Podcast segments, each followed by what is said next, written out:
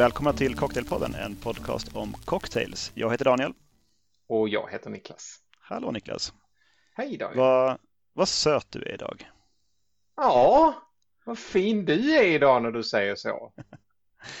Precis, jag tänkte det skulle vara en, eh, en inte alls slamrig eh, segway in, rakt in i dagens ämne. Klokt, mycket klokt. Du är också väldigt söt. Tack, tack. Det, det var det jag fiskade efter förstås. Eh, jo, dagens ämne. Eh, jag har tänkt på det som socker, men också annat som är sött. Hur har du tänkt? Jag har grubblat och grubblat och grubblat. Och så har jag, alltså jag har inget sammanhängande tema. Allt, alltså, jo, allting är kopplat till socker. Eh, men det finns ingen röd tråd. Absolut inte. För, förutom det är socker? Ja, förutom socker. Men det, liksom, det hänger inte ihop någonstans däremellan förutom då socker. Kanske på ett klibbigt sätt.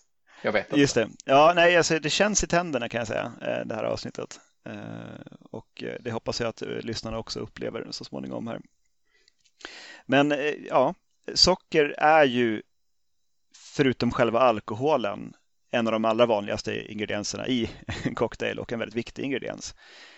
En, en väldigt ur, ursprunglig ingrediens också får man säga. Alltså, när man väl började göra sprit så kanske det första man lade till för att göra spriten lite mer behaglig var möjligtvis vatten. Men så fort man hade någonting att söta med så gjorde man också det. Och sen lite senare i med citrusfrukter och allt sånt. Mm. Men eh, att, att, söta och vattna ur sin sprit, det, det är nog väldigt gammalt. Långt, långt, långt innan eh, eh, Jerry Thomas tog upp en, en shaker i ilska så har man gjort på detta viset. Absolut. Socker, sockerrör som sådant har ju odlats i tusentals år. Jag tror att det var 8000 år eller något har man odlat sockerrör. Och det är mm. ju, det är ju väldigt, väldigt länge, även liksom med jordbruksmått mätt. Eh, någonstans på Papua Nya Guinea så har man hittat belägg för att man har eh, odlat sockerrör. Då. Och sen har det spritt sig över hela världen och eh, med, eh, med koloni, koloniseringen. Kolonialiseringen. Kolonialiseringen tror jag att man säger. Just den. Så just den. kom det till, eh, till Karibien och där är det ju än idag väldigt, väldigt stort med sockerrörsproduktion. Jag, jag, känner ju inför det här ämnet också lite att, att, att här, det är här jag måste briljera för att jag är ju, jag, jag, jag sitter ju nu och blickar ut faktiskt över Beta Country. Alltså jag bor ju i Furulund, en liten ort utanför Lund i Skåne. Och här är det fullt med sockerbetor. Jag kommer ihåg när vi flyttade till vårt hus i grannbyn här första gången jag klev ut när det var, när det var säsong. Och jag kände så här, det doftar, det doftar lite, lite klibb, lite så här bränt, lite sånt. Och min fru som har växt upp här förklarar för mig, ja men de kokar, de kogar bädor. Hon pratar inte så, vill jag tillägga. Hon pratar inte så. Men, det, men blir, för, men det, ja. för, liksom, för lyssnarnas skull så gör hon det. Ja. Någon gång när man har varit ute och kört på landsvägarna här ute så har man fått väja för, väja för att det ligger en stor sockerbeta mitt på vägen. Liksom. Okej, någon har hänt en gång. Okej. Jag, jag, hade ju alltid en föreställning om sockerbetor när jag var liten. Jag vet inte om det var från Kalanka eller någonting annat. Liksom att, att det skulle vara sött. Alltså som att äta socker. Att äta sockerbetor. Det har jag förstått sen senare i livet att så är det ju inte nödvändigtvis. Det är bara att de, är, de innehåller en del socker som man kan utvinna. Eh, men du har alltså ätit en sockerbeta? Nej, nej, men jag har bara förstått att det, det smakar förstås som en beta. men att den kanske är lite söt. Som en betaversion? Ja, just så. Ja, det där tar vi bort. Det tar vi bort ja. Jag hade ju faktiskt planer på att jag skulle försöka få tag på en sockerbeta och ha liksom som ett tilltugg lite till det här avsnittet. Men tiden... Men är de, inte, de är väl inte i säsong nu eller? Nej, de, de men, men alltså jag känner folk. Okej, okay, du, har, du har en beta-guy. En beta-guy. Ja. Ja, det hade varit fantastiskt. Vi får kanske köra ett, eh, en uppföljning på det. Ett avsnitt mm. bara om, om sockerbeta som cocktailingrediens. Eh, faktiskt eh, Napoleon som ligger bakom att vi har sockerbetor i, i produktion i, även i Sverige. Okej. Okay. under Napoleonkrigen så var det svårt för fransoserna att få tag i socker och eh, man behöver ha socker i Frankrike för att annars är man inte Frankrike. Man ska kunna göra sina, sina bakverk och så. Så då, jag tror man utlyste en tävling och försökte liksom lösa alltså, hur kan vi lösa vårt sockerbehov och då var det någon som kom på att den här betorna innehåller väldigt mycket socker. De kan vi raffinera och få fram ett vitt socker eh, på plats här i Frankrike. Så att, eh, sen var det ju var det populärt även för, för andra länder förstås i Europa att göra så, men då slapp man ju. Man var inte beroende av eh, varmare länder där man kunde odla sockerrör. Man kunde fortfarande ha sina eklärer och liknande och ha ett samhälle. Ett samhälle utan socker är nog svårt att föreställa sig. Nej, det går inte. Det går inte. Jag tror jag sa det i förra avsnittet också. Jag har liksom en utpräglad sweet tooth så att det här är, nej, det här, det här, det här, det här, det här är ditt. Det här är för dig. Det här, känner jag. Det här känner jag. Men du, vet du vad? Mm. Jag, jag vill börja. Ja, kör på. Ja. Eh, och jag tänkte börja med eh, Ja, när jag började spåna lite på det här avsnittet så uh, var det en grej jag fastnade för rätt så omgående. Jag uh, spenderade lite tid på Systembolagsappen och uh, började helt enkelt med att tänka, okej, okay, sockerhalt. Det fanns en funktion där man kunde söka på högst sockerhalt. Så tänkte jag, okej, okay, vad intressant, då gör vi det. Så jag har framför mig en lista med de fem mest sockerhaltiga dryckerna som man kan köpa på Systembolaget. Märk väl, detta ingår, det här ingår inte beställningssortimentet utan det är bara det som finns tillgängligt. Som du okay. söker, Och allting är alkoholhaltigt? Allting är alkohol, ja, ja absolut. Alltså det, nej, men faktum är att alla är alkoholhaltiga. Jag har bara sökt på sockerhalt på hela innehållet så att, och det har bara kommit upp alkoholhaltiga drycker. Så vill du ge dig på att gissa någon? Jag vill gissa på Campari. Nej. Uh, Midori. Nej. Eh, Bolls ska, jag ge dig, ska, jag ge dig någon, ska jag ge dig några länder kanske? Ska vi liksom... jo, men kör på det. Ska jag, oh, men vänta, Chartreuse då? Nej, men om jag säger Spanien. Spanien mm. innehar plats, fyr, eller vad ska vi säga, plats tre och fyra innehas av Spanien. Eh, likör 43? Ja, helt rätt på fjärde plats likör 43, 42,6 gram på 100 milliliter. Så där var plats fyra, likör 43. Jag kan ta femman. Jag kan ta femman då också okay. för att den, yes. den kan vara svår. Distillery 031 Heart of Darkness är tydligen en kaffelikör eh, från Sydafrika. Eh, klockar in på 40,8 gram socker per 100 milliliter. Så då har vi likör 43, Distillery 031 lalala. Och sen hade vi Spanien på tredje plats också. Och här kommer du få rätt om du har sorten av dryck. Och typen vad ska man, kategorin av dryck. En, en sherry kanske? Ja, Don en, PX. Don, en, eh, ska vi säga här, en Montilla. Mm. Säger man Montilla eller säger man Montilla? Montillado? Mo nej, Montilla. Montilla. Montilla. M-O-N-T-I-L-L-A. Då är mitt svar att jag inte vet. Okay. 45 gram eh, per 100 milliliter. Tvåan då, eh, Danmark. Danmark på en väldigt söt dryck. Oj. Nej, det, det... det är inte elefantöl. Nej, och det är inte gammeldansk som ju är, är eh, väldigt torrt jämfört med andra, eh, andra magbitter. Och det är inte Faxe Kondi, för det är ju, du sa att det var alkoholhaltiga drycker. Annars är Faxe Kondi ligger ganska högt upp på sötlistan. Jag tror inte de har det. Jag tror inte de har Faxe Kondi. En läsk man kan äta med gaffel. Väldigt tråkigt att de inte har Faxe Kondi. Jag saknar Faxe Kondi. Ja, jag har sparat en burk i garaget faktiskt från när vi var ute och reste innan, innan pandemin. En bättre anledning att åka till Hindås har jag nog aldrig hört. Nej, just det. Nej, du får, nog, du får nog hjälpa mig där med vad, Nej, vad Danmark det, har att erbjuda. Förstå, eh, det kan jag förstå att jag uh, behöver. Polka the Pig Peppermint Shot. Jag var, li jag var livrädd för jag bestämde mig för att jag kanske ska inhandla nummer ett så när den här kom upp som träff nummer två. Var, nej, nej, nej, jag vill inte, jag vill inte, jag vill inte. Så då har vi bara ettan kvar. Okej. Okay. Och du nämnde Napoleon, du nämnde Frankrike. Eh, är det Grand Marnier? Nej. Nej, nej då... Men om jag tar fram den här. Oh, är crème de cassis? Ja då! Helt rätt! Det är ju brutalt Det är en crème de cassis. Jag blev väldigt förvånad när jag själv tittade i mitt barskap och insåg att jag har nummer ett i mitt barskap. Jag har den sötaste drycken på Systembolaget. Råkar finnas i mitt barskap. Var, var det där ett helt vinglas till bredden fyllt med, eh, yeah. med crème de cassis? Nej, det är det inte. Det här är alltså en kir. Ja, okay. uh, ja. Och en kir är ju då uh, helt enkelt uh, kir enligt Diffords guide består av en del crème de cassis och sex delar uh, vitt vin. eh, franskt, gärna bourgogne, gärna aligoté, chilensk chardonnay. ja, ja, man tar vad man Så har. Så skjut mig. Jag vet Precis. inte. Nej, men, och, Kajsa, jag Kajsa vargade den. Jag Kajsa vargade den här. Men, men Kir är väl det känns så här, Kir känns ju ovanligare än dess kusin Kir Royal. Kir Royal mm. är ju det man, man känner till även från när man var typ 18 så var det som att Kir Royal var en grej. Märkligt nog. Ja, det stämmer.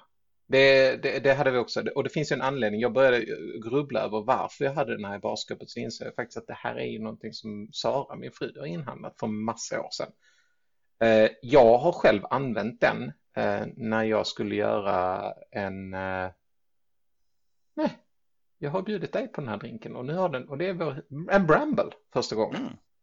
Jag blev så himla sugen, jag letade överallt efter någonting som skulle kunna funka som en, uh, som en uh, björnbärslikör. Men det hade jag inte, men då, då hade jag den här. Och det blev en helt annan typ av Bramble, men den var faktiskt, den hade liksom en, den här lite lite mer, uh, en mer mognare smak på något sätt. En helt, helt annan typ av kategori av drink. Men, ja, ja nej, men gin och, och svartvinbär känns ju som att de mm. hör ihop mm, också. Absolut. Lite kort om Kiren, ska vi ta lite kort om Kiren? Ja, absolut. Väldigt mytomspunnen. Väldigt mytomspunnen.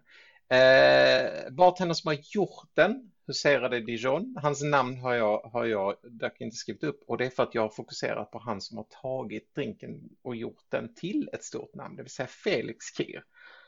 Felix Kir var upprorsledare, franska motståndsrörelsen, sedermera borgmästare i Dijon, katolsk präst från början och så som eh, en av myterna har att göra med att han när han hade prominenta gäster på sitt residens i, i sitt grevskap i, när han var borgmästare i Dijon så serverade den här. Och han gjorde detta troligtvis för att det fanns eh, stora producenter av Kreml cassis i området. Så att han ville promota, marknadsföra det lokala, det, det lokala drycken. Och så blandade man ut den här.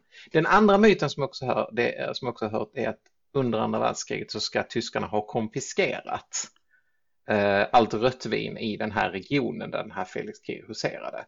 Och då kom man på det här som ett substitut, det vill säga att man tog några delar vitt vin, det här bourgognevinet, och så fyllde man på med Cabernet och sen ska man få vips stups ett rött vin. Så jag tänkte jag ska prova och se om det funkar i det det, det är ju rött.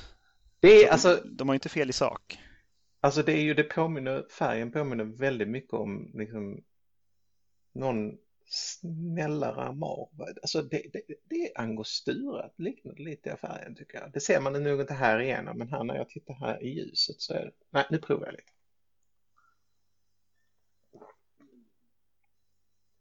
Nej, men alltså, det, det är ju ett rött dessertvin detta. Jag tror att om, om nazisterna hade kommit och ockuperat min hemstad och tagit allt mitt rött vin och allt annat som de nu gjorde. Uh, jag, hade inte, jag hade inte velat ha den här till en, till en pastarätt eller till en ge mig en fransk rätt som man dricker röd, rödvin till. Cassoulet. Buff bourguignon, nej då vill jag inte ha detta. Men en solig kväll som den här så ja, absolut, det kan jag tänka mig. Till en tartatan? Till en tartatan, absolut det skulle jag definitivt kunna ha. Mm, trevligt. Mm. Man fick med nazister också. Det tycker jag är alltid, alltid en glädje när man får med liksom en nazisthistoria eh, kring en drink. Det bör man, det bör man. Jag är själv rätt nöjd med det. Precis. Um, jag, hade, jag hade ett stickspår som jag sådär, tänkte lite grann på men som jag inte riktigt... Jag vandrade inte hela vägen men jag tänkte ändå ge mig in på det. Alltså ett, ett ljudspår. Eh, okay. Ett, ett svunnet ljud helt enkelt. För när man Alltså på 1700-talet och in på 1800-talet så när man skulle göra eh, en, en drink då i, på en taverna eller liknande med, med sprit, då vill man ha i socker och späda ut den lite grann.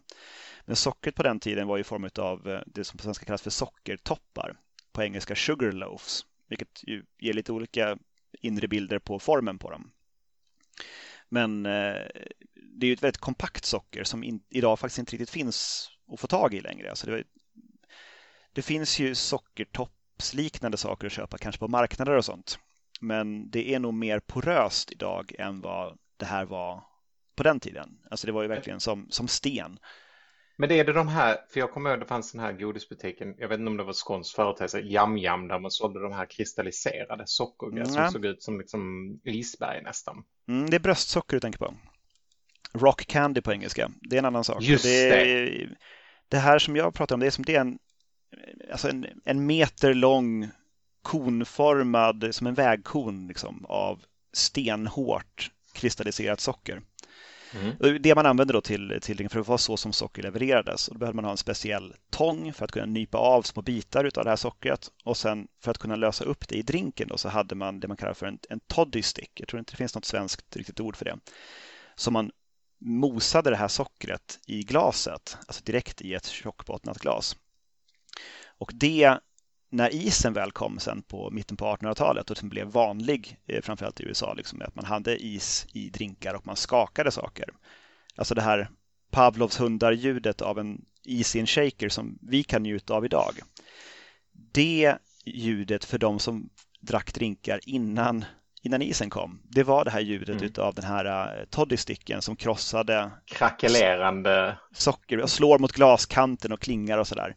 Det var liksom deras deras shaker-ljud på den tiden. Det var många som liksom uttryckte sig en sorg att de saknade det här ljudet sen när isen började komma. Men det är väl en massa skrammel i en, en shaker. Det är, det är, inte det ljudet som, som jag minns eh, från min ungdomsfyllor. Så att eh, det, okay. sen, sen, så slutade man även använda liksom socker mer och mer i barer. Man gick över till att ha socker upplöst i vatten som, alltså som sockersirap då, eller simple syrup. Mm. Mm. Eh, så att det, ja, själva verktyget finns ju kvar i dagens muddler. Och den började också kallas för muddler på 1800-talet och som blev det, det är samma verktyg av trä eller metall, så det är ungefär som den som är idag. Så att eh, grejen finns ju kvar, men man, i och med att det här sockret inte längre finns så finns inte riktigt behovet för att använda den på det sättet. Eh, där skulle jag ju haft en en sockertoppssocker. Ja, jag, jag, sitter, jag sitter lite på hälften liksom. och väntar lite ja, nej. liksom, jag, jag funderar så här, jag, det, det, jag tänkte så här, han har kameran riktat rätt mycket uppåt så tänker jag att han gömmer någonting under liksom, ja, Det skulle man kunna önska, men det, det har visat sig vara omöjligt att få mig att få tag i just den typen utav, eh, utav socker. Så att jag, lyckas jag så kommer jag lägga upp en, eh, en, en liten filmklipp på eh, Instagram tänker jag, om jag får tag i den någon gång. Och kan göra det här Eh, det här ljudet som ska vara så fantastiskt. Men eh, ja, det, det är väl ett, ett löfte om kommande storhet som jag får lämna där. Snälla gör um, Jag kan precis. tänka mig att det kommer bli en sån här grej som när elbilarna införde det här motorljud, att man spelade in ett bandat motorljud för att, det var så, för att folk saknade liksom när, när, när bilarna gick igång. Att man kommer göra samma sak i baren, att att en fransk bas, någonstans har någon spelat in det här ljudet har det liksom när de sätter igång sin shake och så drar de på den på högsta volym. Ja, men under pandemin så var det en som la ut en, en app där man kunde få ett simulerat barljud. Där man kunde stänga av och på olika aspekter av bar. Man kunde liksom justera hur mycket folk det skulle vara i baren liksom, och så kunde man shaken i bakgrunden och lite sorl och sådär. Just för de som inte längre kunde gå ut och behövde, behövde ett bakgrundsljud till alltså att, att sitta hemma och dricka drinkar typ. Så att det, ja, det, det, hänger ihop det där. Men jag tänkte jag skulle ta en annan gammal drink då. Eh, från 1800-talet. Eh, som liksom är föregångaren till drinkar med, med sockerkant på. Mm. Eh, och då kanske du förstår vart jag är på väg någonstans. Eh, det är nämligen till drinken Brandy Crusta. Eller ja, Crusta var ju en familj av drinkar som kunde ha olika bassprit. Men det är något visst med, med, med konjak i drinkar så att jag föll direkt över just Brandy Crusta. Nämnd för första gången i eh, det som väl fortfarande är allmänt antaget vara den första eh, cocktailboken. Eh, Jerry Thomas Bartenders Guide från 1862. Och det är en, en karl som heter Joseph Santini. I den boken tror jag skriven som Santana men karln hette egentligen Santini i New York som skapade den här drinken då på, någon gång på 1850-talet. Eh, nu tänker jag, förlåt att jag avbryter, men nu tänker jag blotta min ovetskap. Jag vet inte vad detta är för någonting. Okej. Okay. Um, ehm, Brandy Crust är, ja, det, det, är en uh, jävligt märklig Jag kan visa hur den ser ut. Um, det är alltså, man, man, tar ett glas och sen så hittar man en citron som passar precis precis i det glaset. Liksom, om man, får, man köttar ner trycker i den ordentligt. Mm. Och sen så skär man av topp och botten på citronen, gröper ur allt kött inuti så det blir som en, en, en gördel av citronskal. Som man petar ner i glaset så det sitter fast och sen så penslar man på med lite 2 1 sockersirap, rullar alltihopa i socker och låter det stelna. Sen så skakar man sin drink och häller ner i den här och sen serveras det i den här glas citrusskals eh, abrovinchen. Men, och så, du, det, du, men det här som är på topp? Ja, det här, det här som sticker upp här är ju citronskalet. Ja. Sticker upp men det ser så, två det ser så, fluff, det ser så fluffigt ut tycker jag. Mm, det är ju att det är kristalliserat socker på utsidan då. Mm. Men man ska ju dricka genom själva citrusskalet. Går det? Mm, det är ju tätt. Oj, och mycket socker jag fick i munnen. Fantastiskt. Alltså det blir ju tätt. Det slutar ju tätt. Om man har en citron som är rätt storlek så slutar det ju mm. tätt. Och den som riskerar inte egentligen att falla ur heller för du har klippat fast den med det här sockret. Men det här var alltså tydligen en ganska vanlig drink på 1800-talet. Ett vanligt sätt att presentera en drink på. Att man köttade ner en, en, en urgröpt citron, eller apelsin för den delen, i glasöppningen och sen så drack man då genom den här. Det är fullständigt märkligt för mig. Alltså för att det är inte speciellt behagligt, annat än möjligtvis på näsan, att man får väldigt mycket citrus på näsan. Och väldigt mycket socker om man, om man vill ha det. Så kan man verkligen lapa i sig en, säkert en god matsked socker på den här drinken. Um, men den är av och till populär liksom. Och sen så har ju det här gradvis då blivit alltså drinkar som, som Sidecar till exempel där du har en, en sockerkant på. Uh, vilket mm. jag det var dit jag trodde starkt var på föreslår att man ska, att man ska ha. Um, många har ju tänkt sig att Brandy Crusten på något vis är en föregångare till Sidecar. Men alltså ursprungsreceptet, där är det verkligen det är så otroligt lite citron i alltså det gamla receptet. Det här är ju ett uppdaterat recept på, från Diffords Guide som är lite mer modernt. Men det är bara 5 milliliter citron i originalreceptet. Så att liksom citron är, det är inte en sour då, utan mm. det, blir, det är bara en skvätt citron. Mm. Um, men här är, jag kan ta receptet lite snabbt bara. Det är eh, 5 centiliter konjak, eh, 0,75 centiliter trippelsec, 0,75 centiliter maraschino-likör, 1,5 centiliter citronjuice, 0,75 centiliter 2-1 sockersirap, 2 stänk angostura. Och det här skakas med is och silas till ett brandy crusta förberett crustat glas. Eh, och det, ja, alltså det, det är en härlig konjaks eh, sour. Det är fantastiskt med både trippelsec och maraschino i. Kommer du göra den igen? Nej, nej aldrig.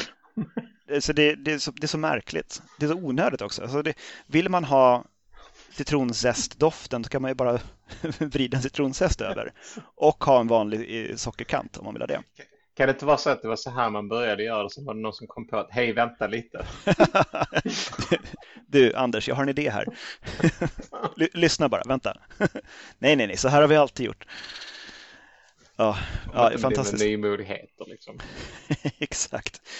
Nej, så att eh, enligt David Wondrich så ska den här ha levt kvar som en märklig anakronism i Australien ända in på 1980-talet och varit en vanlig beställning där. Om du kan tro det. Gud vad jobbigt. Jag varna för? Precis, fast då, då med australiensisk eh, brandy istället för konjak förstås.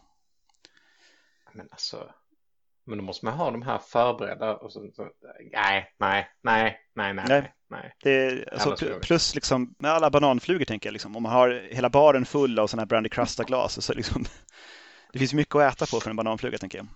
Gud, nej, nej, nej. Det är en, en hopplös, hopplös drink från en, en, en svunnen tid. Men jag, jag, liksom ändå, jag har sett den ofta Eh, alltså när jag varit inne på Diffords guide och sådär, man ser ju, för att den, ser ju, den står ju ut. Det är en halv citron som sticker upp i glaset. Så att, ehm, ja, nej, det har varit på min lista länge. Men själva drinken låter ja, alltså proportionerna och allt det, det låter ju fantastiskt liksom. Alltså ta bort citronen och ta den så låter det ju som att det är en höjdargrej liksom. Ja, det är en väldigt bra drink. Alltså välbalanserad och god. Jag tror att jag hade inte velat ha det med mindre citrus, så jag tror att Difford är rätt på spåret där. Att man, man kan nog inte riktigt förvänta sig att servera den som trycktes i Jerry Thomas bok idag och att folk ska tycka att det är bra. Alltså det blir för lite citrus. lite kvalmigt och jolmigt. Så att, eh, Jag tänker mig. precis. Eh, jag måste ta en drink här innan den är förstörd. Kör, kör. Um, nu har den på smälter ner, det är därför jag måste liksom skynda mig. Jag, jag köpte en sockervaddsmaskin inför det här avsnittet. Klart du gjorde. Så att eh, här har vi en, det, det är i grund och botten en, en, en Sazerac med, eh, med spunnet socker ovanpå. Eh, Sen så har jag dragit ner på sötman lite grann i, Som en i själva... Sazerac med en liten peruk. Ja, typ. Alltså ett, ett, ett, ett fluffigt moln. Eh, nu har det sjunkit ihop lite grann här, men det var mycket tjusigare från början. Man får vara lite rask liksom. En Sazerac som sitter i en brittisk domstol ungefär. Mm. Ja, men ungefär. Eh, jag tänker mig mera liksom sådär att en, en, en Sazerac som är ute och går och sen så kommer ett litet, litet ensamt moln och flyger ovanför.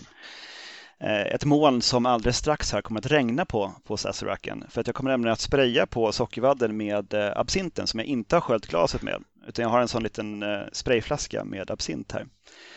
Eh, så att vi sprayar på här. Och Det som händer nu då, det är att eh, absinten liksom rinner igenom och smälter den här sockervadden och regnar ner eh, droppvis i, i Sazeracen. Nej, vad häftigt. Så att eh, man, man får hålla tillbaka lite grann på sockret när man gör själva drinken. Men i, i övrigt ett, ett vanligt Sazerac-recept och där tycker jag precis som Jakob i alla avsnitt som vi pratade om Sazerac eh, sa att hälften hälften mellan konjak och rye tycker jag är rätt väg att gå. Eh, men eh, i och med att den då regnar ner absint i glaset så heter den här eh, Sazerain. Och det här är alltså en egen Ja, ja. kreation. Är... Nej, Hatten av. Hatten av. Petar jag ner Ja. den här domarperuken i här. Ja. Den åker ner till slut. Jag tänker, det är inte så att du ska ha någon regel att när du gör en Sazerain så ska du vänta mellan 7-8 minuter så att rätt mängd har kommit ner i glaset utan du petar ner direkt.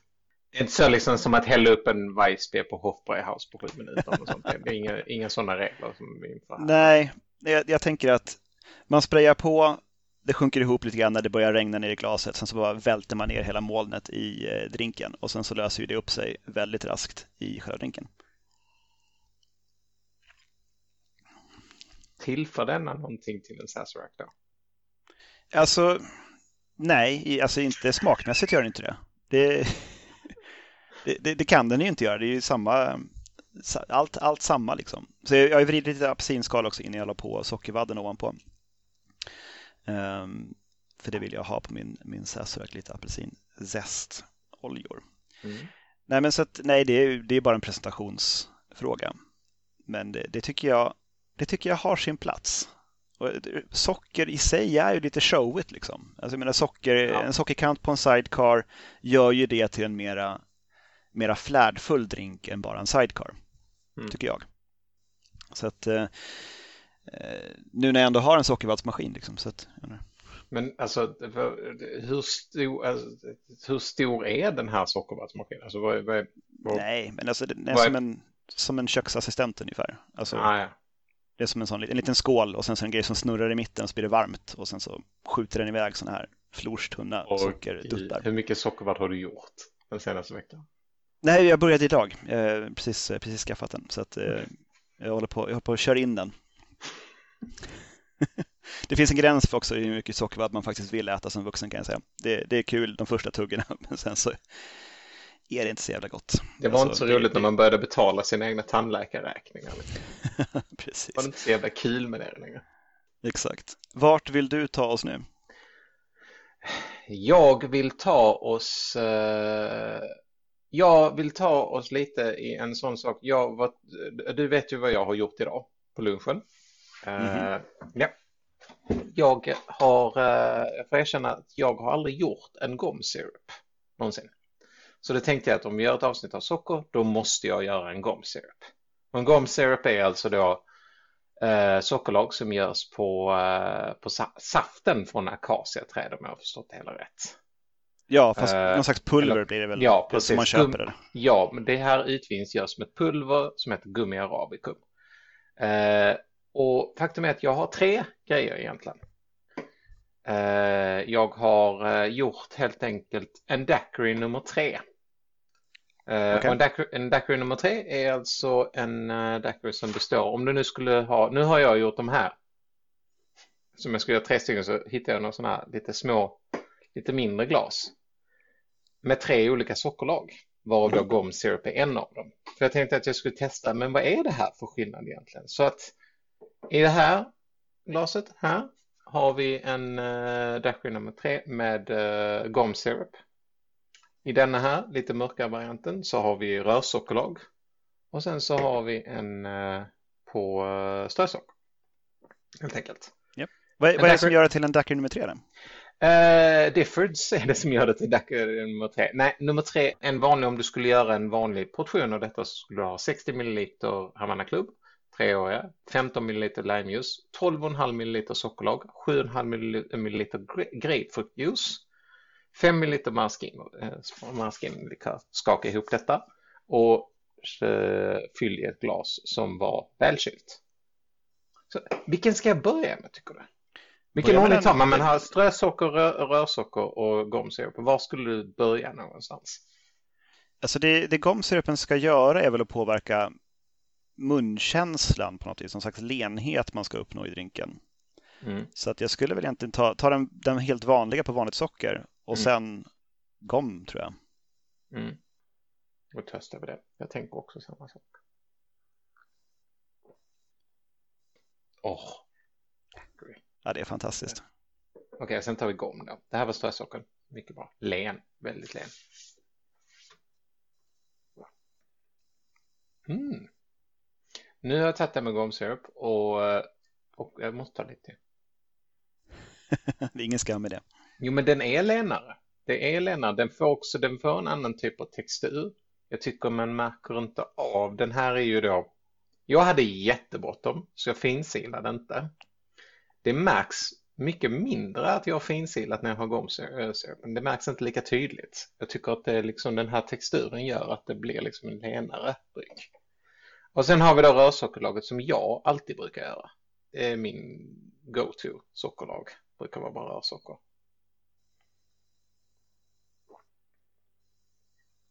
Och det blev ju en mycket, mycket fylligare daiquiri. Mm. Jag skulle säga gomsyrupen. Jag skulle säga att den, den, den förfinar det hela lite. Och jag skulle, det skulle tycka var kul om man hade finsilat detta och det hade nog blivit ännu bättre. Ja, jag gillar gomsirupen. Ja, men gomsirup är kul. Speciellt just med rörsocker och gomsirup att det var en väldigt markant skillnad. Det blev som att det var två helt olika drinkar. Strösocker och gomsirup, de är ju väldigt lika varandra. Och den här gomsirupen görs ju delvis på strösocker. Den är gjord med en strösocker i botten som jag tillsatt det här gummi arabicum till. Mm.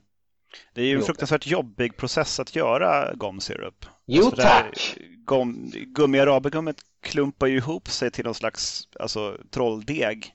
Mm. Som man då sen på något magiskt vis ska kunna lösa upp igen. Ja. Det är fruktansvärt. Alltså det, som tur är så det går att köpa gomsirup. Monin gör en gomsirup eh, ja. på, för svensk marknad som går att få tag i. Um, ja. på, på en liters flaska. En person som har bättre framförhållning än den killen som du har framför dig hade ju också gjort på det sättet och beställt det här. Ja, men tycker, man ska göra det någon gång själv så man liksom uppskattar hur mycket njutigare det är att köpa det sen. Mm. För det är en riktig rövprocess. Eh, jag, tror att det underlättade lite för mig att jag tog lite för mycket vatten när jag gjorde den här trolldegen. För den blev inte alls så gelé som jag trodde. Så att jag, jag, jag, kommer nog, jag gjorde en väldigt liten batch för jag hade lite bråttom. Jag gjorde den nog lite fel. Proportionerna blev lite knasiga så jag kommer nog få göra om den här någon gång. För jag vill, jag vill göra den igen och försöka göra den i ett mindre tidspressat läge. Mm för den som är sugen på att ge sig på det där själv så det, det finns ett recept på gomsirup någonstans långt ner i, eh, på vårt Instagram-konto. Annars kan man skriva till oss på DM så kan jag försöka leta reda på den. Um, men just gummi arabicum hittade jag i alla fall via en butik som säljer grejer för folk som vill göra eget snus. För den används mm. ju i, när man gör snus också, bland annat. Och det är ju en väldigt vanlig ett vanligt E-nummer eh, inom industri, mat och, och sådär, för med att det är en konsistensgivare och ett mm. emulgeringsmedel på sätt och vis. Det, jag tyckte det var kul att prova att använda det i, i korta, spritiga drinkar. Alltså som, eh, som en Old Fashion till exempel, att man byter mm. ut eh, vanlig sockerlag till, eh, till gum där. För att det är en så pass tunn drink egentligen att ge den lite mera kropp eh, och känsla, är, det är rätt kul faktiskt att experimentera med det. Jag kan också tänka, jag blev lite förtjust i tanken av att den har ju mycket längd, den, den förhindrar ju, den ska ju kunna förhindra kristallisering, vilket gör att du kommer kunna ha den mycket längre. Att om du har en vanlig eh, sockerlag, jag tycker mina, liksom redan efter ett par veckor kan de kristallisera sig eh, oavsett hur jag förvarar dem och det här skulle du kunna behålla upp till ett halvår om du gör det på rätt sätt och det tilltalar mig väldigt mycket eftersom jag inte gör det så himla ofta. Gör det. Yes. Um, alltså jag upplever också det att om jag gör sockerlag så kommer den ju hinna stelna innan jag har använt upp den. Jag använder väldigt ofta lönnsirap eh, som ju har samma, samma sötgrad ungefär som 2-1 sockersirap. Och det, det, har vi liksom hemma. Det är ju lätt att köpa på Ica, liksom en sån Lumberjack, Jack eller vad de heter. Uh, och det, det är Maple liksom Joe. Maple Joe heter den precis. Det finns Så många det... andra ett public service-program, förlåt. precis. Det finns inte många andra lönnsirap på Ica, men... Nej, just på Ica, ja, det finns ju Icas egna möjligtvis då. Och sen uh, Maple Joe.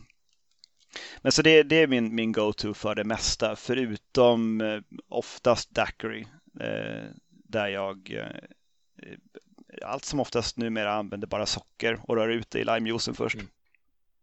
Eh, för att få en lite kortare, för att inte få med det extra vattnet som följer med när man gör en, en syrup först.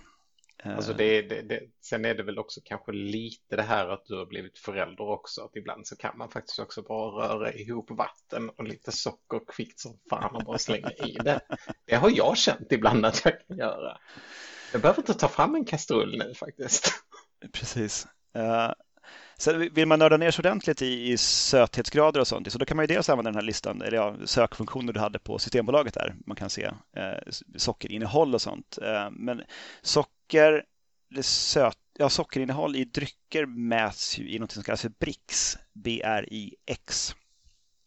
Som liksom är i, vid, vid rumstemperatur så är, om man har ett gram eh, socker löst i en, en lösning som totalt väger 100 gram så 1 gram socker och 99 gram vatten så är det en grad Brix och så vidare uppåt.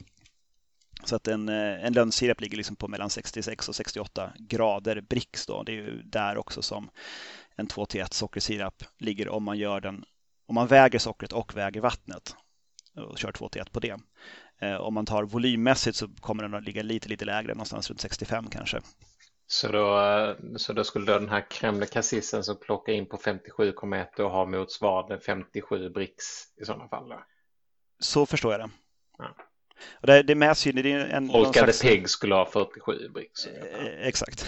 det, det är någonstans i närheten av, eh, av 2 till 1. Det är mellan vanlig sockersirap och 2 till 1 sockersirap som de här mm. grejerna ligger. Mm. Och det är ju brutalt sött. Men alltså den här BRICS-mätargrejen, den fungerar så att man, man, man mäter hur mycket ljus som eh, bryts i en vätska och det bryts olika beroende på eh, hur mycket som är löst i vätskan. Så det är som en, på något vis en ljusmätare och det går att köpa sådana faktiskt om man, om man vill. Eh, jag tror att de ligger någonstans över tusenlappen för de, de billigaste varianterna. Så häller man i vätskan och så får man ett, ett snabbt svar på hur mycket ljus som refrakteras eller frakteras genom vätskan. Um, jag sitter bara som ett frågetecken.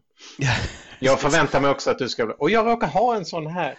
Nej, riktigt, riktigt så djupt har jag inte gått att jag har köpt min egen Brix-mätare. Men det finns ju listor eh, på nätet på hur mycket Brix eh, saker och ting innehåller. Så om man vill byta ut en ingrediens till en annan ingrediens eh, och liksom vill behålla drinkens balans så kan det vara bra liksom att ha, ha det i bakhuvudet att man kan kolla upp hur, hur, söt, eh, hur söt är den här liksom, produkten i vanliga fall. Eh, när det gäller liksom frukter och fruktjuice och sånt så får man ju ta det med en nypa salt för att där varierar det så mycket beroende på eh, producent och även på mognadsgrad på enskilda frukter och sådär. Mm. Så det är inte riktigt, inte riktigt så lätt.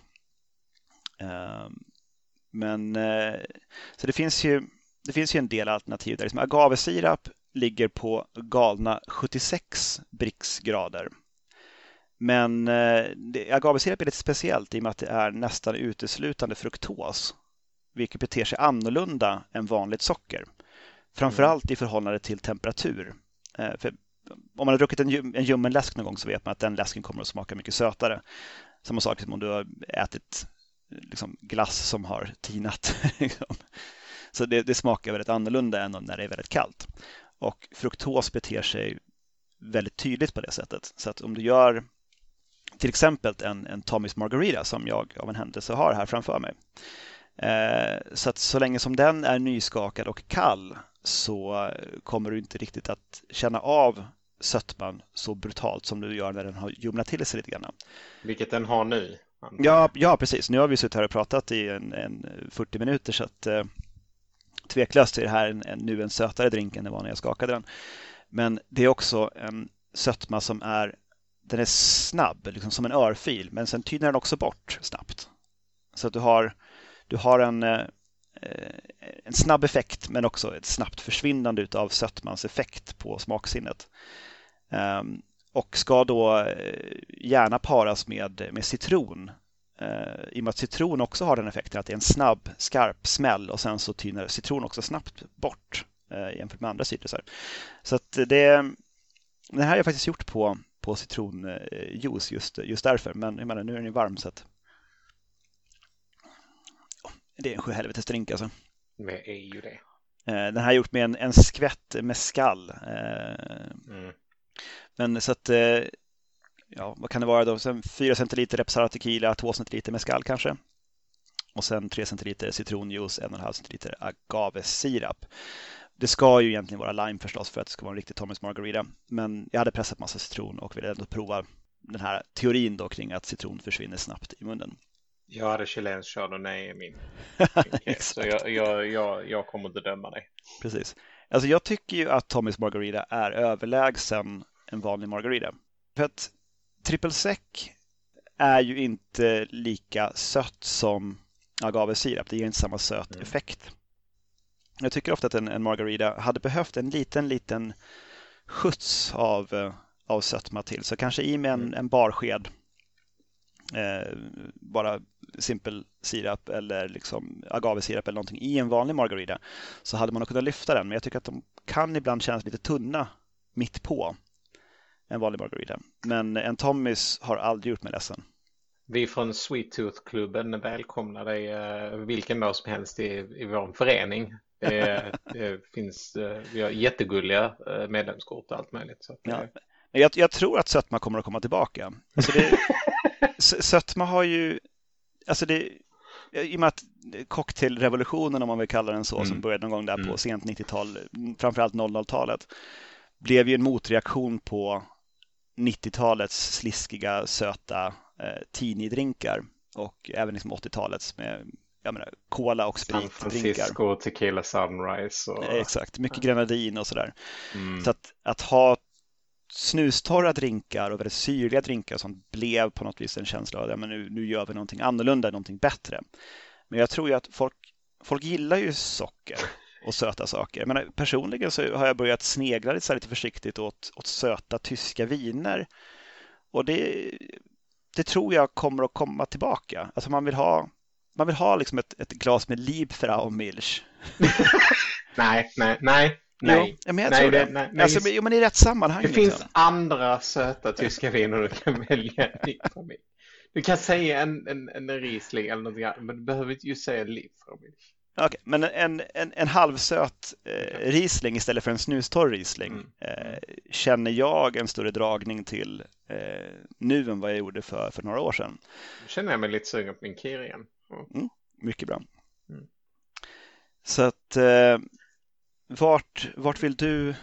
Ska jag ta oss vidare? Det tycker jag du ska göra. Jag, jag var okay. nog klar med min, eh, min Tommys Margarita där. Det, det är en drink som har nämnts ofta i podden, kommer att nämnas okay. eh, flera gånger i framtiden också. Så att... Okej, okay, men då har jag en som jag, jag har inte lyssnat till alla avsnitt. Så, många, dock inte alla. Jag, kan ge mig, jag, jag, tror inte att den här har varit uppe. Eh, anledningen till att jag gör just denna drinken som jag alldeles strax kommer att avslöja vad det är för någonting. Eh, det är för att eh, jag fyllde år för ett halvår sedan. Och jag fick en gåva skickad till mig av min far i form av ett bekräftelsemail som hade skickats till min, eh, till min mail. Min far han bor i Österrike så han, han, han är här ibland men han skickar ibland en present då och då.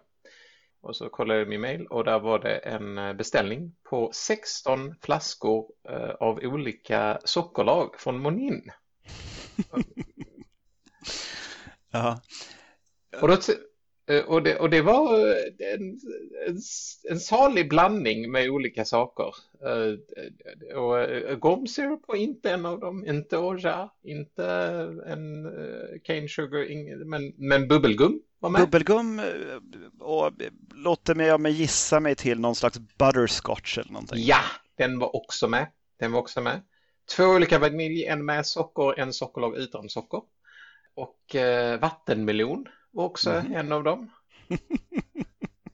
Men däremot så, jag måste säga att jag har hittat en ny kärlek i livet och det är passionsfruktssockerlag som jag dock inte använt till denna dricka men jag vill bara säga det som ett passus. Det är jag tycker att det, det är fantastiskt. Och, eh, Monins, i och med att de gör så mycket konstiga liksom bubblegum-smaker och sådär så kan man ju liksom tycka att ja, men de kanske inte är riktigt lika bra som andra märken. Gifford finns ju i Sverige också. Mm. De har ju lite snyggare flaskor och känns lite mera sådär eh, jag vill inte säga hipstriga liksom, men utan de är det känns mera kvalitet när man håller i flaskan och sådär. I det mikrokosmos som är sockerlagsvärlden så, Precis. Så jag, jag Men jag, jag skulle säga att eh, jag har alltid sen första gången jag smakade älskat Monins passionsfruktsirap. För att den har den har liksom den här blandningen mellan riktig passionsfrukt och artificiell mm. passionsfrukt som jag verkligen älskar. Det var ju min favoritläsk när jag var liten var ju den här apotekarnas ja, passionsfrukt och den smakar ju precis det. som den. Så att, eh, jag, jag har en, en, en mjuk punkt i hjärtat för Monin och det är också ganska lätt att få tag i Monins produkter om man bor i alla fall i en större ort. Ja, det stämmer. Men det, det jag har gjort är dock inte passionsfrukt utan, och nu måste jag nästan tända en lampa så du ska kunna se det här. Men uh, Ja, man ser färgen här. Den ser blekt grön eller blå Ja, ut. den är blekgrön här. Uh, nu ser inte du toppen här, men det här är, liten det här är inte bajs. Det här är kolasås. uh, jag har gjort en jello shot. Nej, vad coolt. Ja, det har jag gjort. Uh, jag har gjort, jag har använt uh, Bonins Green Apple sockerlag. Mm -hmm. Som för övrigt var fruktansvärt god. Jag tycker att man kan göra en Apple ganska lätt med den där. Det var också min tanke att jag skulle göra det, men då tänkte jag det här kommer Daniel... Easy on the teeny. Precis, och jag vet också att ni har att Jakob gjorde någon vid ett avsnitt, tror jag. Eller, jag tror det var Jakob som gjorde den. Jag vet att jag lyssnade in på ett avsnitt i alla fall när jag pratade om det. tänkte jag så nej, den tänker jag inte göra. Så jag letade lite och då kom jag till min, vid sidan om Diffords till min andra bibel, uh, Wisconsin Mommy som eh, ledande i bloggosfären, tror jag. Eh, I alla fall i Wisconsin. Japp, och eh, jag hittade då den här Caramel Apple Jello Shot. Hittade jag.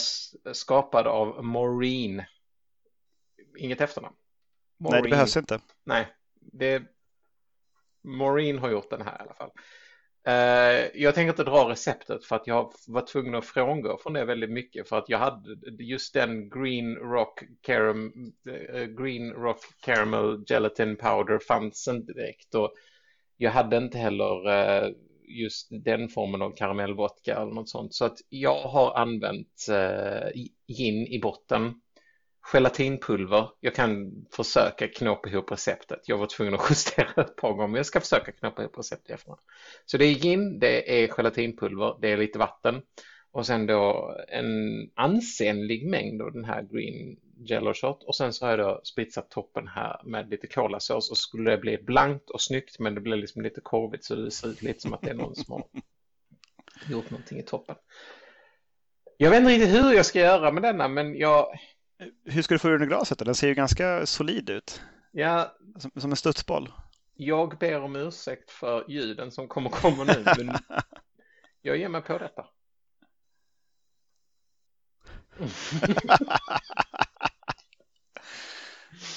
ja, kolasåsen kom in i alla fall. Mm. Det är som att se en svärdslukare. Jag visste att det fanns en anledning till att jag tog med det här upp. Just det. Mm. Ja. Hur, eh, Hur känner du att den här var då? Jag känner så här. Att vad fan ska jag göra med de fem som är kvar? För, Eh. Ja, nej. Det här var kolasås. Kolasås Sen- och eh, Sen var det någonting annat som kom in efter kolasås som, som... Nej, ja, du fick verkligen kämpa alltså. nej, nej, Marine. Den, Fy det, här var fan. bland, det här var nog bland det sämsta jag någonsin har druckit. Eh, har du mycket kvar förresten? Eh, det var de jag hade faktiskt. Okej, ja, jag har en drink kvar. Eh, Jag har gjort en drink som heter, det här är bara för namnet, alltså vi, vi skulle prata om socker, så att jag drog en, en drink som han, har socker i namnet från Diffords. Den heter Fairy Sugar Mama och den innehåller också absint, vilket jag just hade fått hem en flaska med eh, Lafay Parisienne som har börjat säljas i beställningssortimentet på Systembolaget någon gång. Jag, den kanske inte är ny, men det är först nu jag såg den. Mm. Eh, Så du har 3 centiliter absint, 5 centiliter ananasjuice 2 och 25 centiliter limejuice, 2 centiliter orgeat, 1 centiliter Campari. Skaka smis och silas till ett kylt glas. Vrider en citronzest över och slänger bort zesten, sen garnerar du med myntablad istället. Eh, Skapade en karl som heter Andy Mill på London Cocktail Club i staden med samma namn. Alltså den här vill jag ha. Det hör jag. Du behöver inte ens dricka den. Alltså, man behöver att den kommer att vara god. Mm. Ja, men det är det. Alltså det, det är som en tropisk... en- Jag vet inte, som att man har, man, har- man har spillt sin pastis ner i en tropisk drink och man är inte ledsen för det. Eh, Det är faktiskt en väldigt, väldigt god, välbalanserad drink eh, och eh, orgeat och absint, vem hade kunnat tro det? Men Ja, det, det sjunger verkligen ihop, det är det. Eh, Fantastiskt eh, kul, kul drink och någonting som jag kommer att göra igen just för att man vill dricka mer absint eh, än man gör och det här tycker jag är ett väldigt bra sätt att göra det på. Den här var av dem vi har druckit nu som det är någonting som jag blev väldigt, väldigt sugen på. Så det här låt, det, det, mm, ja, det där, det vill Just jag det. testa. Så ja, nej, men då får vi väl anse att vi har rundat ämnet socker på egentligen alla sätt som socker kan, kan tas om hand. Jag menar, som garnering, det kan man göra väldigt mycket med. Man kan göra sockernätverk om man smälter socker och det ringlar över ett eh, bakplåtspapper. Eller något. Man kan göra sockersiraper av allt möjligt, till exempel gurka, eh, vilket jag tycker man ska göra. kan man göra sig en Hendrix High Tea där man har gin, tonic och eh, gurksirap och svartpeppar. Det var också jättenära på listan att göra det. Det fanns faktiskt också med bland i, i presenten. Ja, gurksirap ja. Nej, Men gurksirapen är otrolig. Eh, just Monins gurksirap är också sådär klargrön och nästan lite, lite farlig. Eh, faktiskt en favorit, gurksirapen. Men det är också så lätt att göra själv. Det är bara att eh, på något vis få ut juicen ur en gurka och sen eh, blanda det med lika mycket socker. Så har du en, en, en underbar drinkingrediens. Alltså att eh, sådär, fräscha upp en gin och tonic med eller någonting. Det tycker jag man ska göra. Eh, sen jag vet inte, kanske det mest klassiska är väl en, en Old Fashion med socker i. Eller en absint drip där du låter absint droppa igenom, eller vatten droppa genom en sockerbit ner i absint eh, tills du har fått en, en utspädd absint som är lätt sötad. Har du några sista ord? Nej, alltså jag säger den att jag tänker alltid sockerlag när jag tänker socker och jag vill slå ett slag för den hastigt hoprörda. Lite vatten, lite socker, tuff, tuff, tuff. Så. Mm. Om det är det, om det, om det är kastrullen som gör att du känner att nej men jag orkar inte. Nej men skit i den då. Mm. Eller som du säger, agavesirapen. Eller, Agavesirap, lönnsirap eh, eller bara, alltså man kan ju köpa man kan köpa vanlig sockerlag från Monin också om man vill det. Ja. Eller säkert från någon annan också för den delen. Men i det. Och eh, den, då håller ju den längre än den man gjort själv i och med att den, den innehåller väl säkert några emulgeringsmedel eller någonting som gör att den håller. Men om du Eh. nu står där och ska göra din daiquiri och du, eller din Tommys Margarita och du inte har någonting, om du inte har någonting annat så för fan ta lite strösocker, ta lite vatten, rör ihop det med en tesked, you good to go. Eller ta Ja. din agavesirap eller ta. Är, Man ska inte krångla till det. Eh, och jag tycker man ska inte vara rädd för lite socker.